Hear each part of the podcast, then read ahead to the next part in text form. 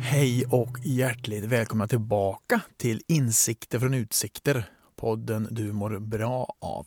Det har blivit dags för avsnitt 73 och jag som pratar just nu heter Malte Hallqvist. Jag är komiker och föreläsare och har hand om den här podden. Jag har ju en idé med den här podden. Det är ju att jag söker människoöden eller människolivshistorier skulle man kunna säga som jag tycker är intressanta, som jag gärna vill berätta eller få berättat. Och tanken är ju att jag ska lyfta de här berättelserna, de här personerna och lyckas podden riktigt bra så lyfter han även dig som lyssnar. Magnus och Henrik Rångedal. Två killar från Molkom som har varit musiker på heltid sedan 20-årsåldern. Deras historia ska vi få lyssna på här i avsnitt 73 av Insikter från utsikter med Magnus och Henrik Rongedal. Det stora mediala genombrottet kom sent för Magnus och Henrik.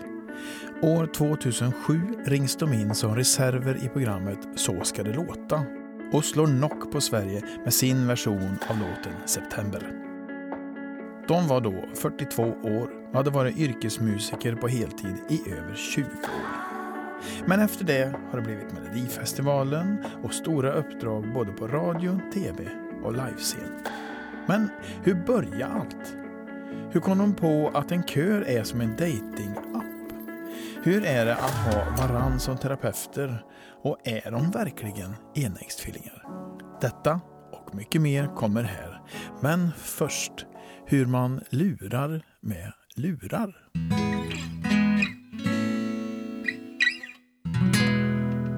Är det okej okay att inte ni har lurar? För jag har inte det till er. Mm. Det är lugnt. Då är det okej.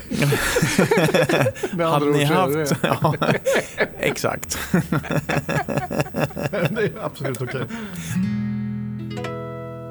Kära lyssnare, hjärtligt välkomna till ett avsnitt av Insikter från utsikter, podden du mår bra av. Och idag så känner jag att jag mår lite extra bra. Jag sitter på Scandic, eh, Grand Central mittemot Oscarsteatern tillsammans med två värmlänningar. Just. Det är faktiskt en av de få gångerna som jag har två gäster samtidigt. Aha. Det har inte hänt så ofta. Mm. Magnus och Henrik ja. Rångedal. Jajamän. Hjärtligt välkomna. Tack ska du ha. Tackar, tackar. Mår ni bra? Ja. ja. Av en underlig anledning. Ja, vad beror det på? Uh, jag tror det är mest att vi, vi hann jobba uh, ganska mycket i höstas ändå. Mm. Ända fram till att vi inte kunde jobba mer. Nej men ända fram till jul. Ja. Eh, så någonstans känns det som att jag har, jag har känt igen mig. Det senaste halvåret har jag känt igen mm. mig i alla fall. Liksom mm. mitt, vad jag vill och kan och, och håller på med som yrke och sådär. Mm. Så ja, lite men, av det finns kvar. Ja. Mm. Vi är ändå inne i januari. Ja men det är, det är väl samma eh, känsla ska jag säga. Men eh, identiteten i vem jag är, varför jag... När man står på en scen och möter en publik då förstår man just det, det var det här jag höll på med. Mm. Det var det här som var så otroligt roligt. Mm. Just det, bra. Och då vet jag vart jag ska igen ifall det skiter sig och det blir sämre igen. Och, sådär. och så blev det lite det igen. Och så blev det lite det igen. Vi pratade om det innan. Att ja. Dit ska jag ju sen igen. Då. Ja, jo. jag håller med Henrik. Det var du som sa det att det borde gå över snabbare den här gången. Mm. Det, det ska mm. det. Det, det säger vi. Ja, ja. Så var det ja. bestämt. Ja.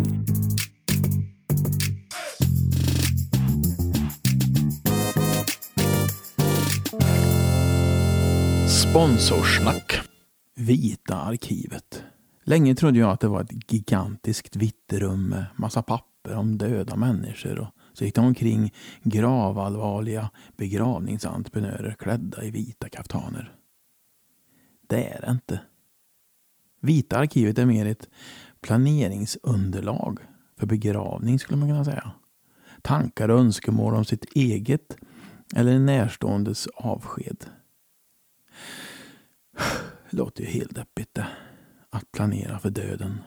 Godnatt. Ridå ner, av hören gewesen. Men tänker man lite till på det så är det inte så dumt. För det kan vara svårt att tänka på praktiska frågor när man just har mist någon nära. Och då kan man behöva hjälp. Fonus är en sån hjälp som har lång erfarenhet och finns där för att stötta och hjälpa till med planering. Att fylla i det vita arkivet. Det vita arkivet kan du faktiskt hämta på ditt lokala Fonuskontor eller så fyller du i det digitalt direkt på fonus.se. Fonus begravningsrådgivare lägger stor vikt vid att hylla det liv som levts. Och jag har lite koll på dem, så jag vet att de vill göra allt för att de anhöriga ska få ett personligt avsked och ett vackert minne. De finns lokalt i hela landet och begravningsrådgivarna är personer från trakten och har kontakt med lokala samarbetspartner. Så de kan hjälpa till med allt ifrån blommor och musik till mat och lokal vid minnesstunden. Tänk om det är så att man kan få ut mer av livet om man planerat döden. Det blir som en slags bonus hos Fonus.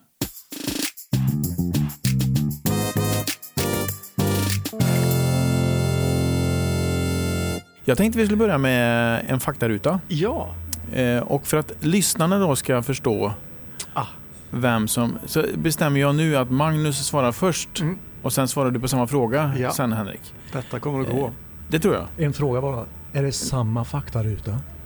Vi är två personer. Ja, det är samma faktaruta. Men vad roligt. Ja, jag tänkte det. det är enklast så. Fullständigt namn? Bo Magnus Rångedal. Jan Henrik Rångedal. Ålder? 56. Och ja, 56. Bor? Stockholm. Ja, var i Stockholm då? Eh, Hägersten, Mälarhöjden. Mm. Mm. Eh, Hägersten, Liljeholmen. Mm, inte så långt ifrån varandra? Nej, det är några kilometer emellan. Ja. Mm. Familj? Ja, tre barn och en hustru. Alla barnen på A va? Ja, det stämmer bra.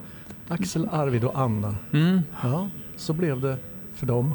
det bara blev så. Ja. Det var en slump faktiskt. Var det? Nej, Nej jag skojar. det var det väl inte. Ni gillar A? Vi gillar A. Ja, men vi, Axel visste vi som första heter att det, det, ska bli en Axel och sen så fanns det en väldigt bra anledning till Arvid också. Då kom en tredje sen, ska vi bryta nu? Mm. Det blir lite konst. Äh, mm. Men Anna är också fint så att det fick det bli.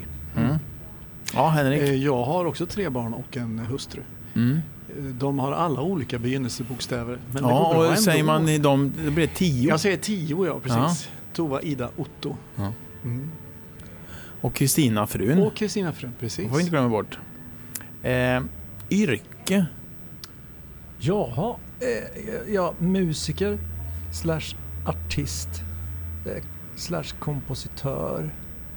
Sen är vi ju alltihopa bokare, skivbolag, mm. skivförlag management, ja det finns allt möjligt. 360 grader kallas det för, 360-tänket kring artist, musiker. Ja. För ni har, ni har, ingen sån producent bakom er som bokar upp er på... Nej, in, inte så livebokning. Vi, vi tar hjälp när vi behöver ja. förstås och det finns ju de som kan saker mycket bättre än vi. Till exempel att sätta ihop, mixa, mastra, producera mm. musik. Det finns ju folk som är jättebra ja. på som vi har kontaktat, alltid får hjälp. Mm. Musiker förstås. Mm. Men det här live-grejen, det, det, håller vi i själva. Det har blivit så. Det har liksom både varit en praktisk sak, en ekonomisk sak och så får vi också vet vi alltid när vi kommer till, fram till spelplats att vi vet vad vi ska göra. Just det.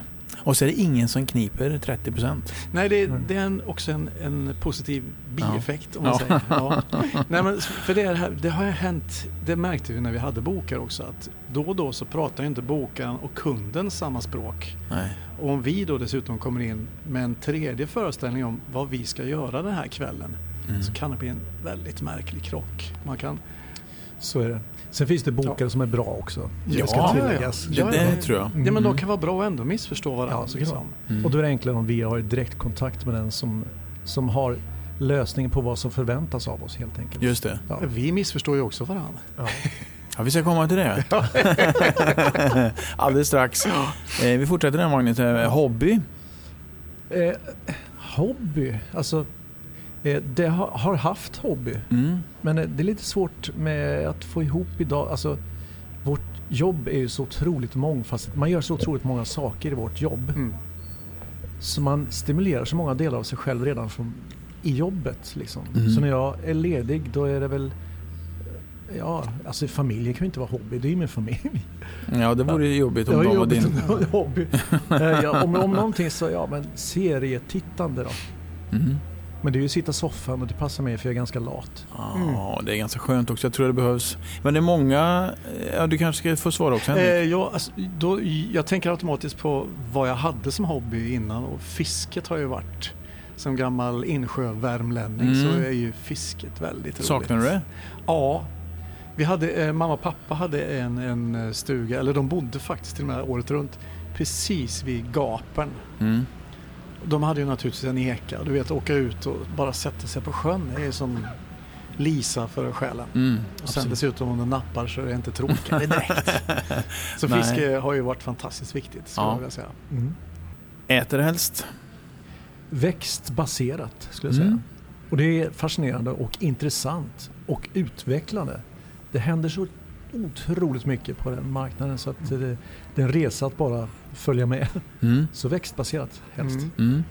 Det är samma sak för mig och det är inte så konstigt i och för sig, vi inspirerar varandra och våra barn som då har kommit med du vet, den här nya vågen med eh, växtbaserade tankar bland ungdomarna. Just det. Gärna lite vegan-inslag mm. också. Så vi, mm. jag skulle säga att jag har lärt mig oerhört mycket.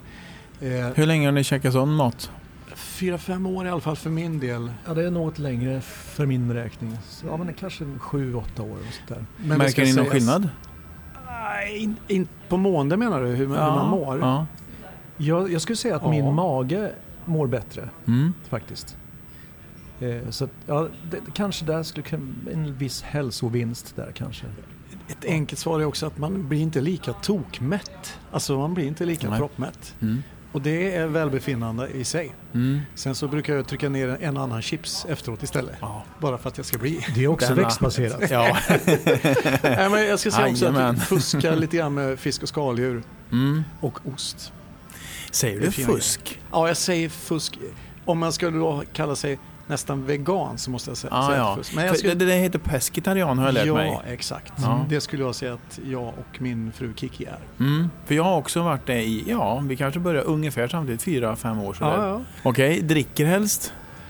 Oh, jag skulle säga, alltså det, det finns få saker som gör mig riktigt så glad som ett glas bubbel gör faktiskt. Mm. Det, det, är livsingivande. Ja. Ja, gott. Faktiskt. Eller ett väldigt bra rödvin. Ja. är också fantastiskt. Ja. Och det är kul att botanisera. Man lär sig någonting tycker jag. Alltså man har lite tid och kanske lite mer råd nu när man är äldre. Att, att liksom, man tycker det är värt 50 spänn till för en lite bättre mm. vinflaska. Mm. Och sådär. Det, det är roligt mm. och fantastiskt gott. nu ser inte tittarna, eller lyssnarna menar jag er, men eh, jag har två glada bröder framför mig just nu. Ja. Det kan bli lillördag idag redan. Ja, oj, så där ja. Lillfredag på tisdagen. Ja, ja, det måste det bli. Lillfredag. Ja. Sista frågan i faktarutan är favoritmusiker. Musiker, artist mm. eller vad som Ja, ja okej. Okay. Favoritartist säger vi då. Eh, då måste jag nämna två bröder faktiskt. Mm. Är det okej? Okay? Ja. Sparks, bröderna mm. Mail. Just det, det jag har mm. läst om det, att du håller dem högt. Ja, mm. ja det stämmer. Ja. Mm. En annan tung favorit från eh, tidigt 70-tal också, David Bowie. Mm. Så det, det var no de två skulle man kunna kombinera ja. på något vis. Ja, Eller gör vi det redan? Ja, jag vet inte. Vi får, vi får ja, det kanske ni har gjort. Ja, ja Kanske. Om man har dem som någon slags förebild så tror jag att automatiskt så att det kommer det ut. Ja, ja, så kan det vara. Ja, det tror jag. Det ja, Okej, vi tar det från början. 16 eh, april mm. 1965. Oj, oj. Då händer det. Då föds ni. Ja. Mm -hmm. när, och när kom musiken in då? För jag kan tänka mig i Molkom så håller man på med fotboll och hockey. Och, ja. alltså... Mm. Visst, och det gjorde vi också. Ja. Eh, jo. jo, vi gjorde det. Vi var där. Magnus, vi gjorde ja. det faktiskt. Ja. ja. för någonstans har jag läst att ni själva tyckte att ni var ganska kassa. Nej, men alltså, jag, jag tror så här. Om vi hade närt talangerna ordentligt så hade vi kanske varit med i, i ända upp till 16 års ålder. men, men musiken, du har helt rätt, musiken fanns i vårt hem. Mm. Och, eh, Vem var, är det? Både mamma och pappa? Ja, både mamma och pappa ja. och våra bröder. Mm. Eh, alla har hela tiden sjungit. Sen så fanns ju den fantastiska kommunala musikskolan så automatiskt. Eh, mm. jag, skulle jag säga, även i Molkom så det kom ju lärare från Karlstad och man stod där. Jag eh, spelar klarinett, jag har spelat saxofon, jag har spelat klassisk eh, akustisk gitarr i musik, kommunala musikskolan. Mm. Jag skulle säga att det gjorde att jag blev intresserad av ett instrument överhuvudtaget. Mm. Sång var en sak ja, det. Och, och, det fanns ju naturligt i familjen men att spela instrument, det kom där. Jag sett, alltså, pappa och mamma såg till att vi fick instrument ganska tidigt också. Vi var inne på Gustafssons musik i Karlstad mm. och köpte ett gammalt tigerandet trumset till mig. Och då är, ja men då är vi 11? Ja, 10 någonstans 10, där. Ja, ja. Så det är ändå ganska unga och eh, i och med det så, för då hade jag också sagt att ja, men jag, jag kan ställa upp på att lära mig spela trummor också. Så jag gick också på kommunala musikskolan ja. för Per-Anders Karlsson, trummisen i Vikingarna från början. PA? PA. Mm. Grym. Mm. Fantastisk. Ja. Han inspirerade oss otroligt mycket, vi som var hans elever. Där.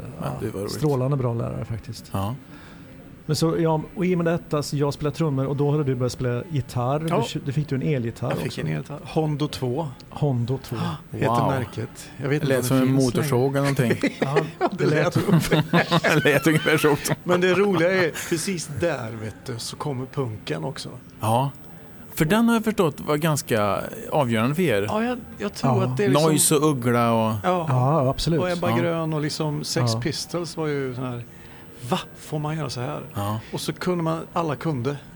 liksom. Ja, alla Till fick, vi. även om man inte kunde ja. så fick man spela. Det är väl det som är punk. Nu kanske jag får punkarna på som... mig men... Eh, Nej ja. men jag skulle säga att det är där det... Du är fri, det, är, där du är fri att, det är upp till dig vad du vill göra med ett instrument så att säga. Mm.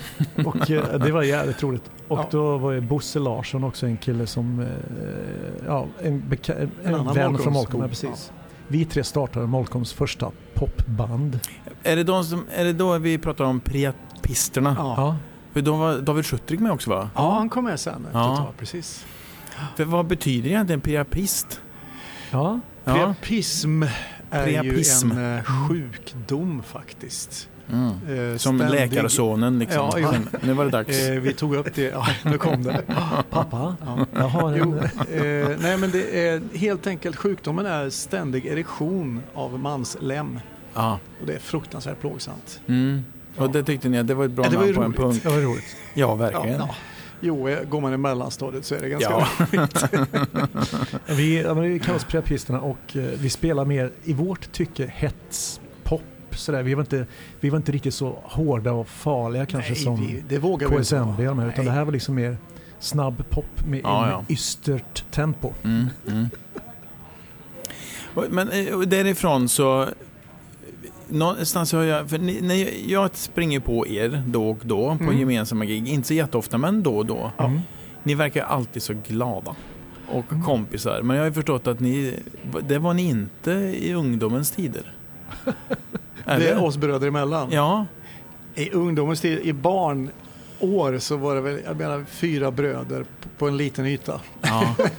Nej men också han och jag. för liksom, bråk. Ja, vi gick ju till och med i samma klass, alltså mm. till och med gymnasiet. Inte ens där hade det vi kanske inte var det bästa olika. valet. Nej, precis. Det var nog inte det bästa valet. Men, men då slogs vi inte. Men Nej. jag kan säga låg och mellanstadiet slogs vi varje dag. Slogs inom citationstecken för vi var ju inte liksom vi blev inte skada De starkaste nej, nej. nävarna i klassen hade vi inte heller så att säga. Men det, var, det gnabbades. Det gnabbades. Ja. Vi sprang efter varandra om man säger. Ja. ja men om man slår en lite löst så på axeln, då är irritationen det som gör mest ont egentligen, mm. inte själva smärtan. Nej. Och då måste man ju springa efter, för han har slagit mig precis, då måste jag springa efter. Slå så tillbaka. I ett hörn så får man ta på honom, så slår man lite grann tillbaka. Och så är det tvärtom igen. Ja, man så ger igen. Man, man ger igen. Mm. Livet är fullt av ge igenare. Mm. Och i vuxen ålder nu då? Jag, skulle, ja, jag skulle säga att vi... Om ni gnabbas, vad gnabbas ni om? Vad som helst. Skitsaker. Ja men titta på honom. Ja. det, det, är samma skitsaker bara att det är, ja, det är vuxen, vuxna frågor. Alltså, vi blir ju inte, inte vuxna. vuxna frågor heller faktiskt. Vår relation kommer ju inte någonsin bli vuxen förmodligen. Alltså, Vad menar du med det?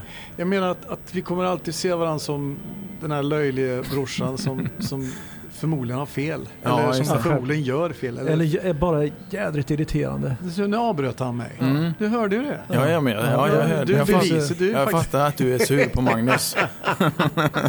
ja, nej, men det kommer ja, nog oerhört irriterande. ja, men se på han. ja, ja, vad, ja, vad irriterar du dig på då? Nej, men det är precis samma sak som ja. jag ser i mig själv, ser jag i honom och mm. eh, jag kan ju bli irriterad på mig själv också men varför mm. inte bli det på någon annan? Det är lite skönare på något sätt. Mm. Ja, men det är, är det inte lite så också, och det har vi pratat om några gånger, att man ser ju, jag ser ju lite grann av en spegelbild när jag tittar på brorsan och det jag inte gillar vill jag ju inte att han förstärker. Ja, Då kan det bli att jag går in och försöker korrigera det jag inte gillar. Och det är ju en automatisk trigg till att, jaha du, eh, nu ska Men vi se. Men ni går in i någon slags ständig terapi, för man pratar Absolut. ju ofta om när man går i terapi att man ska möta sig själv. Mm. Tjenare! Det gör ni varje dag. Ja, och nu är vi, vi är lika på många sätt men vi är ruskigt olika också. Mm. Så att, eh, ja, det skulle jag nog säga. om, kanske, ja. skulle, om vi börjar med Magnus då, vad, vad är olikheterna enligt dig på er två? Oh, ja. Ah, det är så otroligt svårt att säga. Olika mycket hår på ja, bröstkorgen. Nej men eh, vi har väl lite olika temperament. Ja. Eh, och, eh, och, om det är för att vi är så som personer eller om det är en socialt arv. Det är, det är också svårt att avgöra så att säga. Mm. Det kan man också fundera på. Hur mycket av det här är skapat av oss själva eller omgivningen eller hur mycket är det som faktiskt är i mig och hur mycket är det som är i Henrik. Sådär, liksom. Just det. Mm. Men eh, ja, vad ska man säga? Jag... Ja, Magnus tillåter sig kanske lite mer att vara något mer känslosam i sina... Och nu är det alltså Magnus som säger det här kan ja, jag säga till lyssnarna. Precis, förlåt. Mm. Jag glömde mm. säga det. Eh, att jag, jag tillåter mig att vara lite Good mer point. känslosam i mina uttryck och uttalanden kanske. Mm. Ja. Jag tycker inte jag behöver ta så himla mycket mer ansvar än bara känna som jag säger så att säga. Där kanske du och jag är lite olika. Det är ett sätt att se på saken. Eh, ja. Nej, men det, du hör ju själv. Ja, jag hör ju. Ja. Det här finns grogrund. jag håller på sätt och vis med. Eh, och vi har också olika tempo. Olika, mm. Vi har olika hastigheter fram till saker och ting. Eh, jag, Henrik, har ett större behov av att komma framåt lite snabbare. Mm. Jag har lite mer tempo tror jag. I många, i många situationer. För Ni gav mig ett ett tips hur man håller isär er en gång. Eh, ja. Men det var ju mer yttre ja. attribut. Att Henrik är hög ja. och Magnus är märkt med sitt örhänge. För livet. Ja, mm. just. Men jag, för jag läste nämligen vad ni tyckte om varandra. Eh, så då tänkte jag, då blir Henrik är hetsig, Magnus är mes. Och Henrik blev tyst. och såg att, och såg det, var att det var gott. ja, varför inte? Nej, ja. ja vad, vad nu mes Magnus men... Mjuk då? Ja, ja mer, mer mjuk. För mes det är värdering i det som kanske ja. inte är kul. Ja, Magnus jag, Mjuk jag har inga och Henrik heller i och för sig. Men... Nej men det kanske, ja, kanske mer mjuk då. Mm. Nej fast inte så jävla mjuk heller. Ja, du kanske lägger mer värdering i mjuk än ja, mes. Det. Precis. Det kan jag faktiskt ja. göra kanske. Nej men och så, som du inledde här med att säga att vi kanske är våra egna terapeuter så skulle jag nog säga att jag skulle nog behöva en riktig terapeut. Mm. Så kan man säga. Not so much. Alltså, vi fastnar ju varandras... ja, det är klart. Ja. Vi, vi krig, kriget är ju det. Alltså, vi har ju våra skyttegravsgropar. Mm. Och de är Men kan ni, kan ni hjälpa varandra när ni kör fast mentalt? Nej, inte när vi kör fast. Nej. Nej det är, är därför det... du säger Magnus att ni kanske skulle ha en, en riktig ja, terapeut. Ja, precis. Jag, jag kan tycka att vi, när vi kommer till kärnan Alltså om vi, skalar, vi, vi grälar oss igenom det, det, skalet som finns och så kommer vi ner till kärnan när vi egentligen vi pratar om. Då kan vi komma fram till någonting bra gemensamt. Det är ganska sällan, men det händer ibland faktiskt. Det tar mm. tid också. Tar tid. Vi, vi, måste ju först skala av löken. Liksom. Som när ja. vi sitter, om vi ska åka ner till Skåne på ett gig. Då kan det hända att då I känner bil. vi, då känner, ja, precis, i bil. Då kanske vi känner båda två att nu finns det tid att skala av lite. Ja för att komma lite närmare. Det, vi har ett problem här som vi egentligen borde ha pratat om men vi har inte riktigt gjort det. men nu har vi tid för det. Mm. Då kan den bli, resan bli ganska avskalande. Så kan mm. lite lökig kan man säga. Mm. och det kan ju då vara jobbigt om man har olika tempo. Att om du då är lite långsammare än Henrik mm. så ja. kan det i sig skapa irritation kan jag tänka mig. Absolut. Från er båda. Ja, mm. Mm. men det är det jag tänker. Det, det är början där när vi skalar lite lätt sådär. När vi är på väg att skala upp och försöka hitta vad det handlar om egentligen. Då kan vi nog tillåta, oss att bli lite irriterade på våra egenheter. Ja. Men när vi kommit förbi det efter någon timme. jo, det tar ju tid. Då, mm. då kan vi komma lite närmare vad det egentligen handlar om. Så det är bra med gig som ligger lite långt bort? ibland. Ja, ibland. Ja. Nu och då, så vi får rensa lite. Ja. Just det. Men jag skulle säga att vi är rätt duktiga på att hålla igen också. Ja. Annars skulle vi hålla på alltid, tror jag. Alltså, mm. Det finns ju alltid något att gnälla på. Liksom. Men, det är den här uh, boxen på axeln. Ja, ja precis. Uh, nej, men vi menar, vad hade vi nu i november, december hade vi 24 spelningar tror jag och hade vi grinat varje gig så hade vi ju inte klarat det här liksom. Nej. Så vi har ju vi har det, det vuxna förståndet med oss någonstans mm. förstås. Mm. Ja men i och med att det här är, det är mycket som är vår arbetsplats. Vår gemensamma träffyta är i stort sett arbete. Liksom. Och då mm. måste vi förhålla oss till det som vuxna, vuxna medarbetare helt enkelt. Just det. Det var kul när vi åkte med band mer för för några år sedan. Så sa de alltid när det blev lite så nej, nej nu är det för mycket brorsorna liksom. Mm. Då gled vi över från att vara professionella eller bara ha mysigt i bussen till att nej, nu blir det brödrakrig här. Ja, just det. Då tyckte mm. de att det räckte. Och då skärpte ni er? Ja, ja vi fick ja. ju ta hänsyn till dem åtminstone. Ja. men, eh, någonting säger mig, men det kanske jag har fel i, men att ni firar ganska mycket hög högtider också, så påsk och jul. Och, hänger ni då? Eller är det... det gjorde vi mycket förr, när mm. barnen var mindre. Ah. Nu är det tack och lov så att vi behöver inte i samma utsträckning. Nej men faktiskt. Och, eh, så det har blivit mindre av det? Ja, mindre av det. Mm. Och det tror jag kanske är bra. Liksom. Vi hade ju mm. gemensamt, alltså, både mamma och pappa är borta nu men när de fanns så fanns det ju mm. liksom anledning att vi alla alla bröder med alla barn åkte till samma ställe. Liksom. Mm. Eh, och firade jul varannat år till mm. exempel. Och sådär. Så att då fanns det anledning, mer anledning. Och nu är det ju så att du och jag jobbar ju mycket ihop och då är det rätt så skönt att inte dessutom behöva fira alla. Så jag menar, Nej. barns födelsedagar får, åtnjuter vi fortfarande av varandras. Liksom, när dina barn fyller år så tycker vi det är kul att få fira dem också. Ja. Eh, men nu börjar de bli så stora så att... Ja, det nu firar man inte riktigt på samma sätt. Nej, Nej. det är inte ja, för de är över 20. Ja, de är ju 25 och uppåt. Liksom. Ja, just det. Ja. Ja. Nej, det blir inte samma grej. Nej. Men förut när det var liksom med, med äldsta brorsans barn också så är det ju åtta kusiner som bara diffade sex år emellan. Och sånt där. Så det var ju så ett jäkla Kul ändå. med kusin, ja, jättekul. Hänger de någonting nu som kusiner ja, utan att faktiskt. föräldrarna är med? Ja. ja, de som bor nära. Och nu råkar det vara våra som bor nära. Så ja, våra, en till. Från... Våra sex, ja just det, nu har det ja. dykt upp ett brorsbarn här i stan också. Mm. Så att, eh, de sju åtminstone hänger ganska mycket. Ja, de har stor glädje av varandra faktiskt. Mm. Verkligen. Det är häftigt. Ja, det är häftigt. Mm. Men jag tänkte på det där att ni särar på er lite grann och tycker det är skönt. För det, om jag förstod rätt så var det det som hände ett tag. Du, du drog till Henrik, alltså ja. upp, Uppsala. Ja. Och du drog till Stockholm. Just det. Och eh, någonstans så läste jag i någon text att båda kände att på grund av den tiden så orkar ni jobba ihop nu. Mm. Att man eh, skaffar sin egen lilla person. För det, ni blir ju alltid jämförda med varandra. Precis. Ja. Jo, precis. Det var en ganska viktig del av, eh, mm. en viktig period i våra liv. Mm. Eh, att dels att faktiskt eh, prova någonting nytt. Flytta till Uppsala till Stockholm, det vill säga flytta från hemma, från Värmland. Från Molkom till Stockholm eller till Uppsala. Det är ju en stor grej i ens mm. liv. Mm. Och prova sina vingar, träffa personer som inte vet om att jag är tvilling.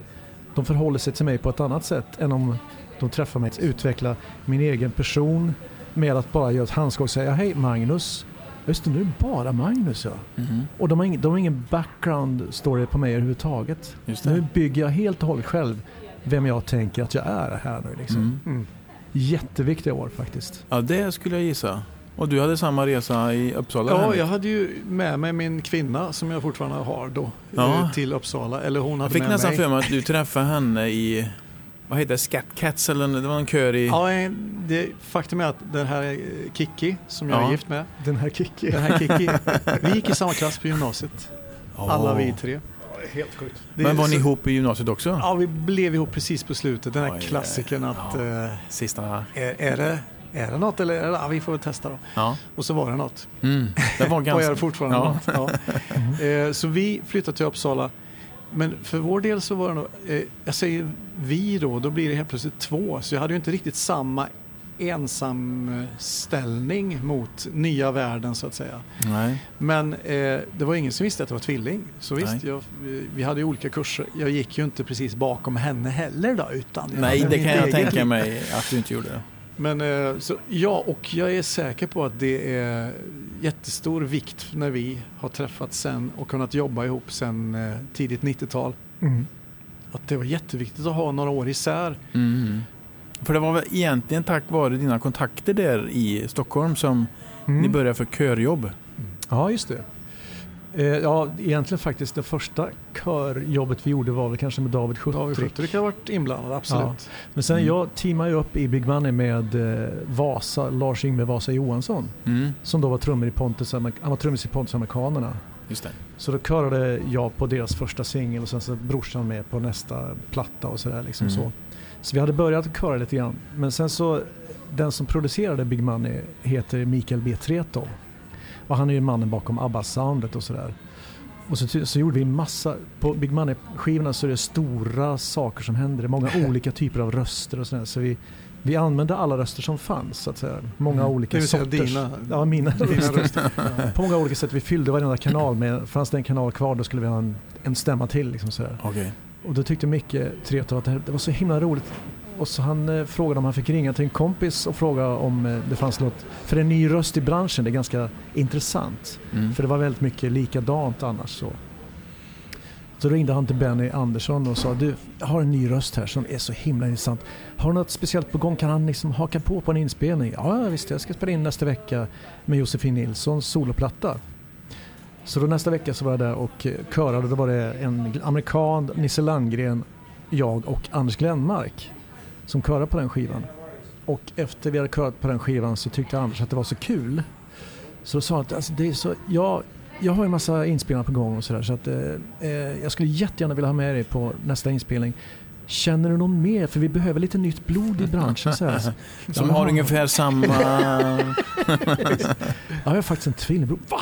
Har du? Ja men ta med honom nästa gång då. Så, så, så blev det att vi kom in på riktigt i, den, eh, i, i vad ska man säga, i finrummet. Mm.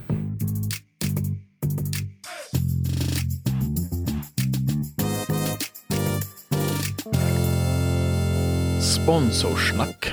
Det finns köpcenter och så finns det köpcenter. Och så finns det Bergvik. Alltså Bergviks köpcenter. Bästa Bergvik. Jag gillar det stället, för där finns nämligen allt mellan himmel och jord. Allt ifrån galaklänning till grillkorv. Och mellan sådana ytterligheter vill man ju leva. Och det är möjligt på Bergvik. Att leva alltså, trots corona. För där finns stora ytor och vidtagna åtgärder så man kan vara lugn och trygg när man handlar på Bergvik. Så håll i och håll ut. Åk dit och håll avstånd. Handla tryggt och säkert så vi alla får möjlighet att befinna oss mellan himmel och jord på bästa Bergvik.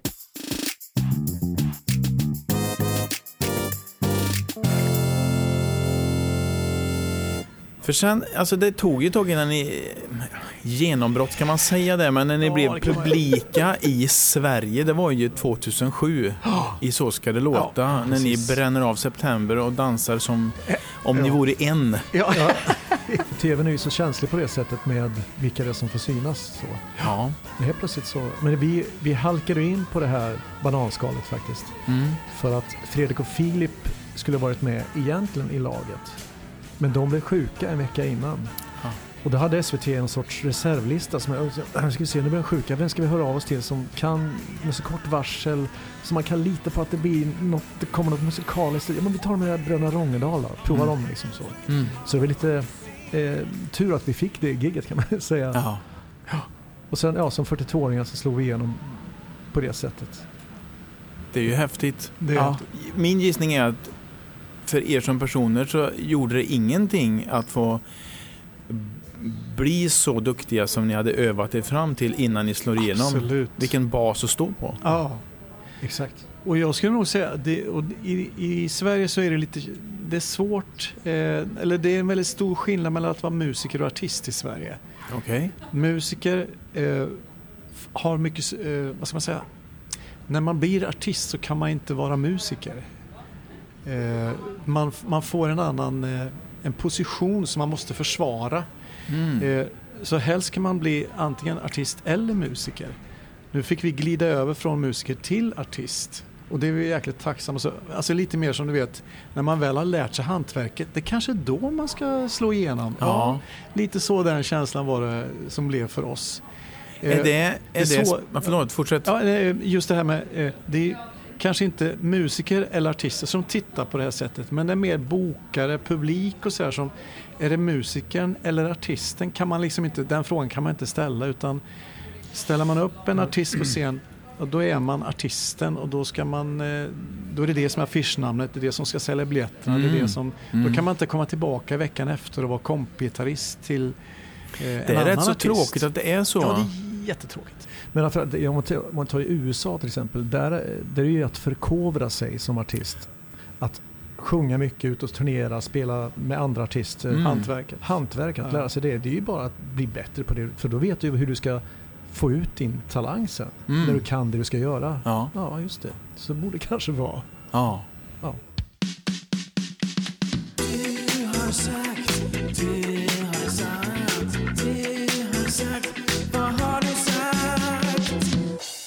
Vad var det du sa? I min podd har jag också en liten pusselbit va? Mm. Som heter Du har sagt. Ah, Aha. Oj då. Så jag har samlat på mig lite citat från er. har vi sagt överhuvudtaget? Ja, ni, ja. Ja. Så att jag... Ska vi ta varannan då? Ett tag. Och sen, sen har jag som avslutning en sak som Henrik har sagt och en sak som Oh. Magnus har sagt. Wow. Right. Ja. Eh, Eller vi kanske, om jag inte har svaret så kan ju Magnus svara. så kan det vara. Så kan det vara. Ja. Men vi utgår från att vi klarar det här varannan. Ja, vi Vi provar då. provar. Kör är en lagkänsla. Ja, ja, det är ju det. Ja, en lagsport till och med. Mm. Ja. Mm. Och till och med eh, någon av er har pratat om att det är som eh, en dating-app kanske. ja, det kanske är jag då. då. Ja. Jo, eh, precis. Att sjunga i kör är ju fantastiskt på många sätt. Musiken, absolut. Och sen att man då, den här lagkänslan som finns i kören, att man gör ju en sak tillsammans mot ett gemensamt mål. Och så är det en dirigent som eh, förhoppningsvis drar oss åt det här hållet och lyfter ut det bästa ur kören så det låter fantastiskt. Och rent musikaliskt så kan man försvinna in i den kollektiva rösten. Min röst hörs inte nu utan den försvinner in i den stora körklangen. Det är nästan som att gå upp i nirvana på något sätt. Det blir något helt fantastiskt faktiskt. Så bland de bästa musikaliska upplevelserna Magnus jag har haft är i kör faktiskt. Mm. Nu snodde han det, ja. Ja, det där, förlåt. Nej, men sen, är, och sen är det ju så att jag träffar ju min fru i kör. Mm. det är nu det blir dating Det är nu det blir Ah. dating up. Ja. ja. Mm. För att eh, vi killar behövs verkligen i kör. För det är oftast många tjejer som eh, tycker det är kul att sjunga i kör. Mm. Men de behöver oftast killar också. Så Men de är ju bättre på det också. Tjejer Tjejerna. är ju bättre än killarna. de är bättre på lagarbete. Och- Nej, på att sjunga. på att sjunga? Aha, okej. Och, va, ja, och så tror jag, nu ska vi inte generalisera, men jag tror tjejer är bättre på det här med sociala spelet. Och, och det är ju väldigt mycket så i en kör tycker jag, att man hänger ju mycket. Ja. Och man får vänta en del. Nu var det altens tur och så får man sitta där som tenor och bara vän, vänta. Det passar inte mig kan jag säga. Jag var med. Det var för drygt det ser du. Herregud. Nej, men det, ja. Nej, men det, som, det som också är fantastiskt med kören, det, det här med dating då, att man, det finns då många olika människor att träffa och eh, utforska. För det som är så fascinerande med kören är också att man är totalt titellös. Du må hända vara en läkare på jobbet eller du må hända vara en eh, postbärare Mm. eller vad det nu är. Kommer du till kören så är vi allihopa lika inför tonerna som står på pappret man ska sjunga och dirigentens tyckande om hur du framför det. Så Just där det. blir man liksom, där blir vi allihopa på samma nivå. Mm. Och det är en ganska fascinerande upplevelse Mm. också. Så man kan gå omkring i en kör och inte riktigt veta vad de andra jobbar med och det är inte viktigt för vi gör musik tillsammans. Liksom. Ja, just det. Mm. Det spelar ingen roll om man omsätter 10 miljoner, man sjunger falskt ändå. Exakt mm. så. Man kan inte köpa en ren röst. Nej men det är ju sant. Ja. Och då blir man, genom att man blir titellös så blir man också ganska chosefri. Och mm. man behöver inte vakta på någonting. Då är man mer öppen och kan därför träffa människor på ett annat sätt. Det är också ett bra tips för just dating. Mm. Man är ganska öppen i sig själv. Ja. Liksom så. Det är väldigt fin verksamhet. Ja, men jag håller med. Jag, vi slår ett slag för kör. Absolut. Dels som en social eh, mötesplats, men mm. även för en framtida partner. Ja, oh ja. Mm. Mm. Vi tar nästa. Man måste vara lite nyfiken på sin egna röst. Oh. Den du Henrik. Jag håller ju med när du säger det på det viset. ja, det är inte jag som säger det, det är du. Eller Magnus. Ja. Ja, men jag, jag, tror, jag tror att det, det har varit en av våra största styrkor. Att vi har lyssnat på och försökt vrida och vända lite och försöka hitta det, ett, ett annat uttryck som kanske passar just nu bättre. Att ha, det blir ju en förmåga till slut och man tränar nog mycket. Till exempel falsettsång som vi har hållit på med ganska mycket. Mm.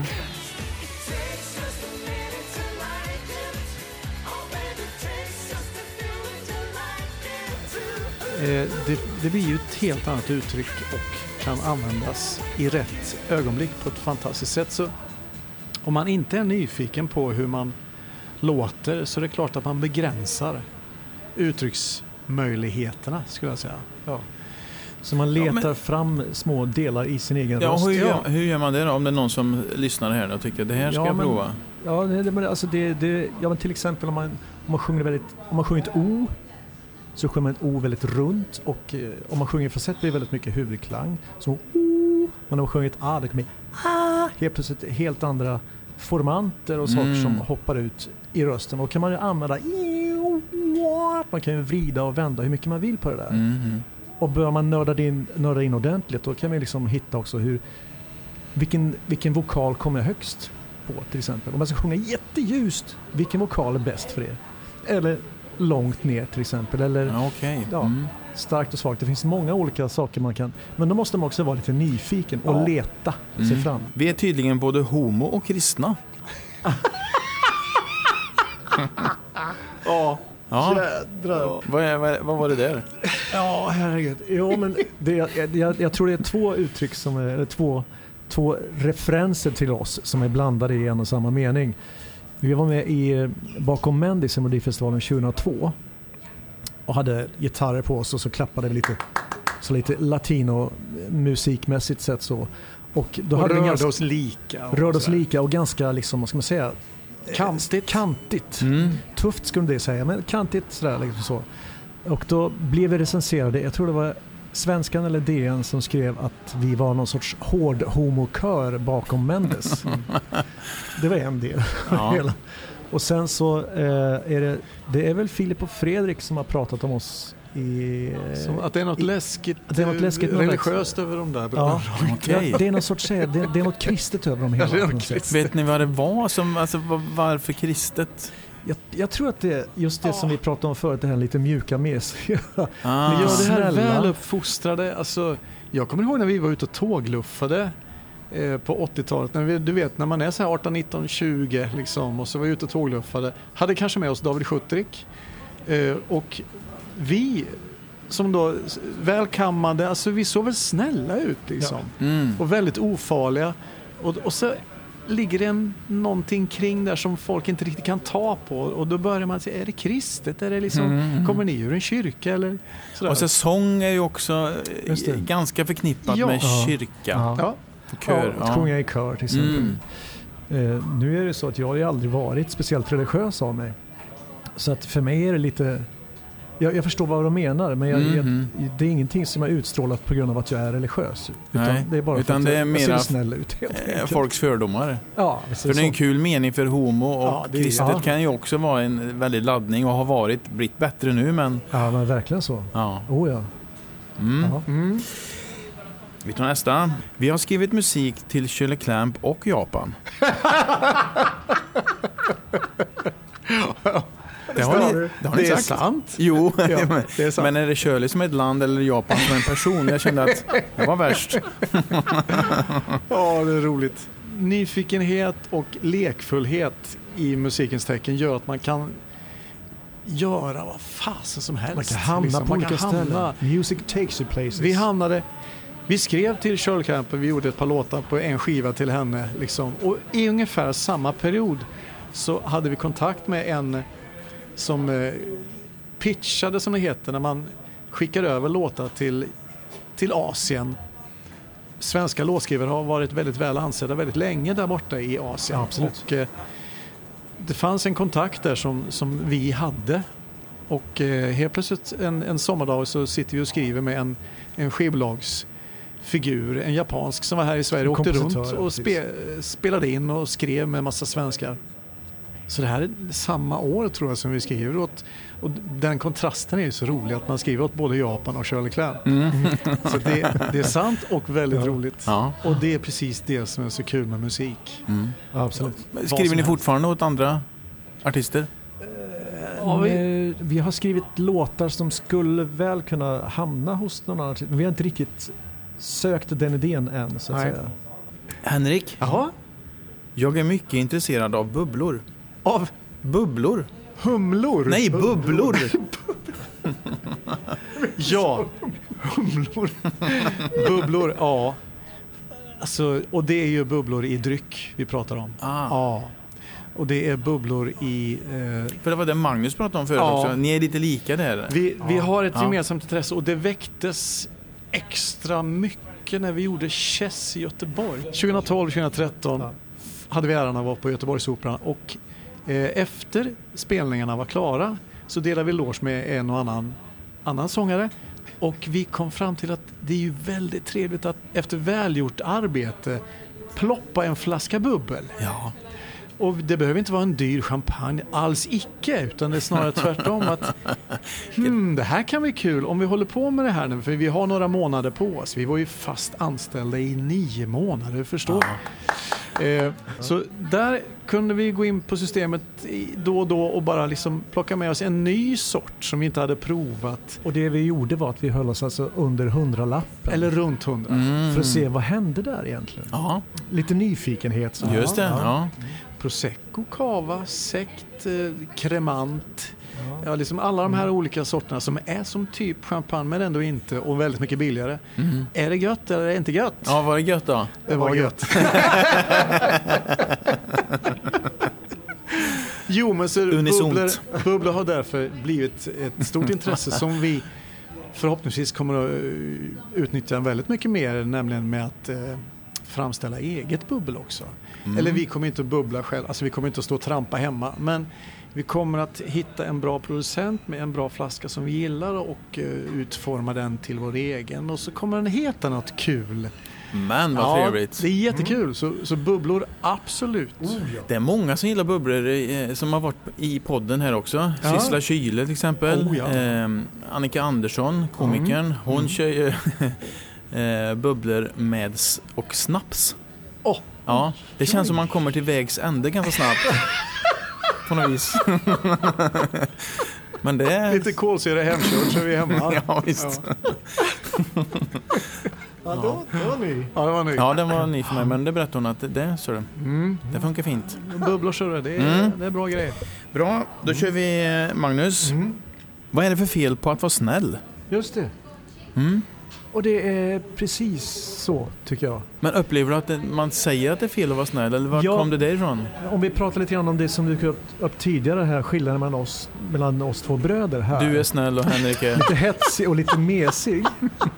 Då finns det som vi var inne på ett värde i ordet mes till exempel. Och mes och snäll är ju lite grann samma sak. Om man säger, det finns ett uttryck som, ja man tar inte in kon i köket för att han är snäll, för att hon är snäll. Så, Grisen, grisen, kon, hönset eller vad det nu man säger. vilket Som- djur som helst. Ja, Mm. nämn ett djur och du tar inte in i köket bara för att den är snäll. Nej. Nej. Mm. Och det vill säga, snäll är eh, lite dum. Om man generaliserar. Och det tycker jag är ett fruktansvärt... Det är alltså, snäll är för mig det Otroligt mest underskattade ordet som finns tror jag. Mm. För att vara snäll människa, det är ju att vara en människa som Vill som, som, vill väl mot, mm. sin, mot sig själv och sin omgivning. Man ska vara snäll mot sig själv också. Jo, men jag kan också tycka som du att snäll kan ju vara också att vara uppriktig och säga Verkligen. ärliga saker som kanske gör ont men ja. det är det snällaste man kan göra. Ja. Snäll och vän, det vill säga vän. Liksom. Mm. Snäll är ett fantastiskt ord. Ja, det är, det är en väldigt fin egenskap. Och jag skulle vilja tillägga att den här branschen gillar inte snällt. Nej, gud. Den här branschen som vi är gillar lite kantigt, lite hårt, lite farligt, lite fult, lite sådär. Lite oärligt? Ja, gärna lite, för... lite åtminstone inte snällt. Mm. Liksom. för, för, då också... blir man ointressant Exakt. i den här branschen. Precis. Eh, så när man, när man tittar på Bröderna Rånglas så kan man säga nej de där är för snälla, nej det är för mycket. Jag menar, du, både du och jag är ju ganska mycket svennebanan om du förstår mm. uttrycket. Alltså att vi, mm. vi är vanliga, trevliga killar mm. med lite kristet utseende. en liten liksom. släng av homosexualitet. ja. ja. ja. och det är inte fel det heller. Nej. Nej, men, Nej, så, inte. så snäll, eh, gärna som person men eh, det är svårt att vara snäll och få framgång i den här branschen. Mm. Faktiskt. Mm. Det ska vara lite skitigt. Mm. Mm. Snäll är bra. Snäll är bäst. Vi slår ett eh, slag för snällhet ja. och fortsätter framåt i podden. Ja. Yes. Mina damer och herrar, det har äntligen blivit dags, inte bara för mitt och Maltes favoritmoment här i programmet i podcasten, utan jag gissar för er allas. Det har blivit dags för Tombolan! Tombolan! Jag har ju också en liten pusselbit i min podd som heter Tombolan. Tombolan? Mm. Och ni ser ju tombolan här, eller hur? Ja, ja. ja. vad fin. Är den hemgjord? Den är hemgjord. Ja. Hemköpt i alla fall. Ja. Jag tänkte om ni snurrar lite. Ja. Ja. Oj, ska man öppna luckan här då? Mm. Ja, nu har jag tagit en lapp. Ska jag läsa då så vad som står på den? Ja. Usch, nu blir, nu blir det bra. Mm. Om det skulle förvåna dina vänner, vad skulle du göra då? Eh, klä ut mig till brorsan. Oh, den, den var knivig. Jag ska förvåna mina vänner. Ja du. Det var en väldigt svår fråga faktiskt. Du kan få förklura på den lite och så får Henrik ja, jag tar en jag med. Så kan du väl läsa upp den får vi se om Magnus... Ja. Annars får du svara medan Magnus funderar. Vad är det viktigaste du lärt dig? Den du. Mm. Jag skulle säga att om jag inte är, om jag inte är människa, vad är jag då? Liksom? Alltså, vad är mänsklighet och, och vad vill jag? Vad vill jag med det? Och det tror jag att jag måste ställa den frågan när jag får egna barn. Vad är det viktigaste jag vill att de ska lära sig? Vad, vad ska man ha med sig i livet? Mm. Och då skulle jag nog säga att det är det här medmänsklighet. Försöka förstå. Jag är kanske inte bäst på det själv heller men jag, jag vet att det är bra. Ja, vad menar, vad menar du med medmänsklighet? Ja, att försöka försöka se nästa människa som en, som en likvärdig dig. En som har lika mycket värde som, som också kommer med sitt in. Så vi möts här och nu och vi har med oss massa olika saker. Och det, det är svårt om man, om man utgår från att vi liksom... Ja, men, återigen, snällhet. Försöka nå varandra, försöka ha med sig någon sorts medkänsla ja, snäll igen alltså. Det är fasen mm. bra alltså. Mm. Det, om du pratar om att när du blev pappa. Så det, det, kan jag, det börjar ju redan i sandlådan då förstås. När man ser på sina barn och tänker sig att de ska lära sig det som sandlådan handlar om. Ja. Att där ska man försöka också förhålla sig till varandra. Likväl som i det vuxna stora globala världen. Ja. Liksom. Hur går det för Magnus då? Ja, Alltså det enda jag kom på som är så jädra dumt, men det, om man ska förvåna mig med den, det är helt enkelt om jag skulle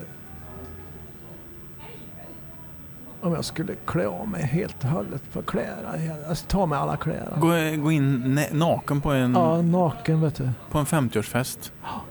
Hej, nu är jag här. Ja, alltså det var Hallå, du som fyllde år, men det var det jag som kommer naken. Det är jag som, det är jag som är Henrik. Ja. Nej, tyvärr inget roligare svar än så. Nej, men det är jättefint. Mm. Ska vi, vi tar en var.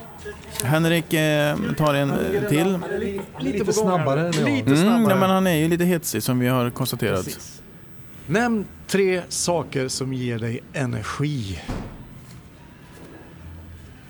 Humor tycker jag är för jäkla gött. Alltså mm. jag, jag, blir... Jo, men det, blir, det, det, bubblar så skönt i när, när jag tycker någonting är kul. Så humor är otroligt viktigt för mig, tror jag. Även i relation. Även min fru och jag måste ha kul. Eller vi har kul. Och därför fungerar det också väldigt mycket smidigare än om vi inte hade haft kul tror jag. Mm. Humor är otroligt viktig. Det är en bra energigivare. Musik naturligtvis. Alltså, och där, där kan du ju ge energi av andra slag förstås. Men det ger mig någonting att fokusera kring och ger mig ja, inspiration, energi. Ja, det är nog samma sak där i läget tror jag. Mm. Musik, humor. Vad för slags humor då? Rolig humor. Rolig humor. Jag tycker väldigt mycket om att ha roligt. Nej, eh, ja.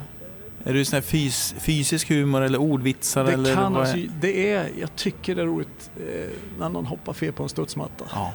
Det är lite kul. Eller någon ja, inte väldigt. ser sig för går in i en stolpe. Det är ganska roligt. Ja. Och jag kanske har blivit äldre där. Jag kanske inte tyckte det som 16-åring. Ja. ja, två i alla fall. Två, mm. tre var inte så illa. Nej, det är bra. Vi, tack. Oj, oj. Magnus då? Jag, jag ryckte en lapp här, ska vi se. Berätta om ett tillfälle när du skrattade väldigt mycket. Titta vad han skrattar. Ja, för ni skrattar mycket. Det kanske ja. vi gör. Ja. Hellre ett garv än att uh, ställa sig frågan till var det verkligen roligt det här? Mm. Ta det säkra för det osäkra. Ja. Precis. Skrattade väldigt mycket. Det, det, det, det jag skrattade väldigt mycket, sån här upprepningshumor som att man nöts ner det mm. kanske inte är så roligt de första skämten som kommer sen men man nöts man ner och efter liksom 150 skämt då är man helt i, i botten. Mm. För då, de har så nernött och skrattar så in i helskotta. Jag läste, Lasse Anrell har gjort en bok om eh, sportfloskler. Mm. Ja, det kan vara fan. Han har gjort fler va? Ja, det har precis. Ja, jag tror han har gjort ja. ett gäng med sådana. Men de och jag läste en av böckerna och liksom, bara, man fyller på med massa, man bara läser och läser och läser. Till slut är man ju helt förstörd för att det är så fruktansvärt roligt faktiskt. Den byggnadshumorn den bygger ja. upp så, det är makalöst kul. Jag tänkte vi skulle gå in i någon slags avslutning. Okay. Ja. Vi har pratat om det här med tvillingar, men hur, hur mycket har ni lidit av det? För man, ni har ju alltid blivit jämförda med varandra. Om man läser om tvillingar, det kan uppstå mindervärdeskomplex och dålig självkänsla. Och mm. Någon är längre och någon är kortare. Då blir han den korta tvillingen och den långa tvillingen. Mm. Hur mycket av det där har ni jobbat med? Jag tror att det eh, alltså, för det första är det lite svårt att förstå hur det är att inte vara tvilling. Ja. Då vi helt enkelt är det. Men om man ställer sig utanför det och tittar lite grann på det så kan man ju eh, någonstans läsa ut att i, i och med att omgivningen hela tiden jämför dig med den andra så får du alltid eh, en känsla av att någon ska vara lite bättre eller någon lite sämre. Det är den mm. känslan. Alltså högre eller lägre. Eller du är bättre på matte, du är bättre på fotboll du sjunger lite högre, va? du sjunger lite lägre. Va? man blir hela tiden jämförd. Och det här är inga farliga jämförelser egentligen. Men just att ständigt bli jämförd och aldrig bara få stå helt själv. Utan jag är något i förhållande till någon annan. Mm. Den är lite knasig alltså. Den är lite svår att behandla ibland faktiskt. Och under uppväxten framförallt så var det ju många tår som trampades på utan att omgivningen menade någonting. Ja, men de visst. förstår ju inte bättre så att säga. Mm. Hur det är att bli hela tiden jämförd. För det, det tar lite grann faktiskt. Mm. Eller tog. Jag vet inte hur mycket det tar idag. Men det, det, det, är en, det är en ganska besvärlig situation att växa upp i faktiskt. Absolut. Och jag tror att det fortfarande gäller. Och liksom om, eh, det handlar ju även i det sociala spelet. För vi vet ju att när du sitter här mm. så jämför du ändå lite grann. Du gör ju det, du kommer mm. inte ifrån det. Förstås, jag skulle också göra det. Och när ja, vi träffar tvillingar i vår tur. Så det, nej men vad kul, vad lika ni är, vad är det som skiljer er? Alltså man börjar Mm. genast, Ja, genast, man letar. För Så det är vi konstigt. behöver det som människor, behöver kategorisera och hålla på. Ja. Eh, så jag tror att det fortfarande gäller. Vi sitter Ja. hela tiden i den situationen att vi alltid blir jämförda med varandra. Jag, är inte bara, jag sjunger inte bara Sjunger jag sämre eller bättre än brorsan? Sjunger jag högre eller lägre än brorsan? Alltså, Mm. så det är klart att det påverkar. Eh, det är det med att vi alltid är två på samma plats. Det ger ju också en otrolig trygghet. Vi är ju alltid två. Har alltid varit. Mm. När man ringde oss för att leka så lekte man ju genast tre. Man var inte Mm. bara två. Den, Mm. den som ringde fick två lekkamrater direkt. Vi behövde ju inte ringa. Vi hade ju i värsta fall varann. Just det. Ja. Så vi behövde inte ringa en kompis. Men ja, så det är klart att det fanns för och nackdelar hela tiden parallellt med varandra. Liksom. Mm, mm. Ja, men jag har tänkt en hel del på det där. För att när man växer upp och, och man får ju ofta till sig från vuxenvärlden att du ska inte jämföra med andra. Det viktiga är vad du tycker. Och, Mm. och ni kommer inte undan det för Nej. ni jämförs hela tiden. Ja. Ja, precis så är Och det. till, i familjen också. Och jag, jag menar, ja. vi jämför ju- Eftersom alla andra jämför oss så är det klart att vi jämför oss med varandra. Mm. Så när man ser att jaha, du gjorde så, du skrev så eller jaha, du gjorde det där bättre än jag. Det Mm. vet ju jag. jag behöver inte, ingen behöver säga det till mig. Jag vet att han var bättre på det där. Mm. Men dessutom så säger de det. Mm. Mm. För att de vill ju jämföra oss också, alltså Mm. utifrån. Mm. Så att, Ja men det är precis och det är fortfarande vuxen ålder så som du säger Henrik så jämförs vi fortfarande. När vi, det var, vi, vi repade hårt inför ett gig och de som vi skulle sjunga med så att säga, de satt också och jämförde oss, det vet vi om hela tiden. Men sa det också. Jag pratade med en kompis häromdagen och eh, eh jag, jag, jag håller på att repa en Bröderna Råd. Jaha, gör det, vad roligt. Och då sa hon att eh, en av oss var mer åt det där hållet.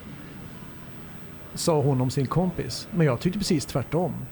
Då har de pratat om oss, alltså Jämfört jämfört, oss. oss. Mm. Att den ena var mer åt det andra var åt det hållet. Och liksom, utan att tänka på att det där kanske inte är så roligt att höra. Nej. för, För- sen berättade den personen det för dig. Ja, sen berättade hon för oss att, ja, vi, och då jämförde vi er. Och då sa jag att du var med så här, medan hon sa att han var med så där. Liksom, varför det? Varför det? Och det är helt som sagt, Vill vi ens bli jämförda? Nej, vill vi bli så Som du själv Mm. säger, man ska inte jämföra sig med andra. Men vi blir det nagelfarna hela tiden Mm. faktiskt. Men Malte, Mm. tycker du att det är större eller mindre skillnad på oss nu?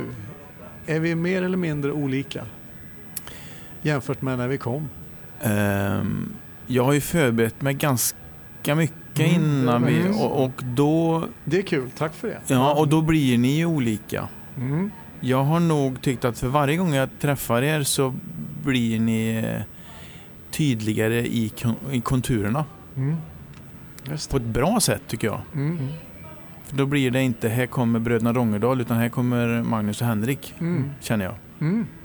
Just det. Mm. Skönt. Tack Så för det, det. ja, tack ska ni ha. Det jag ska tacka er. Grymt att sitta här med er. Ja, Eh, trevligt. En tisdag eftermiddag. Ja, tänk. Mm. Gött. Nu tackar vi varann och så hoppas vi att pandemin tar slut typ imorgon. Ja, varför Mm. inte? Jag tycker vi bestämmer det helt enkelt. Det gör vi. Ja. Tack. Tack, så Tack mycket. Malte.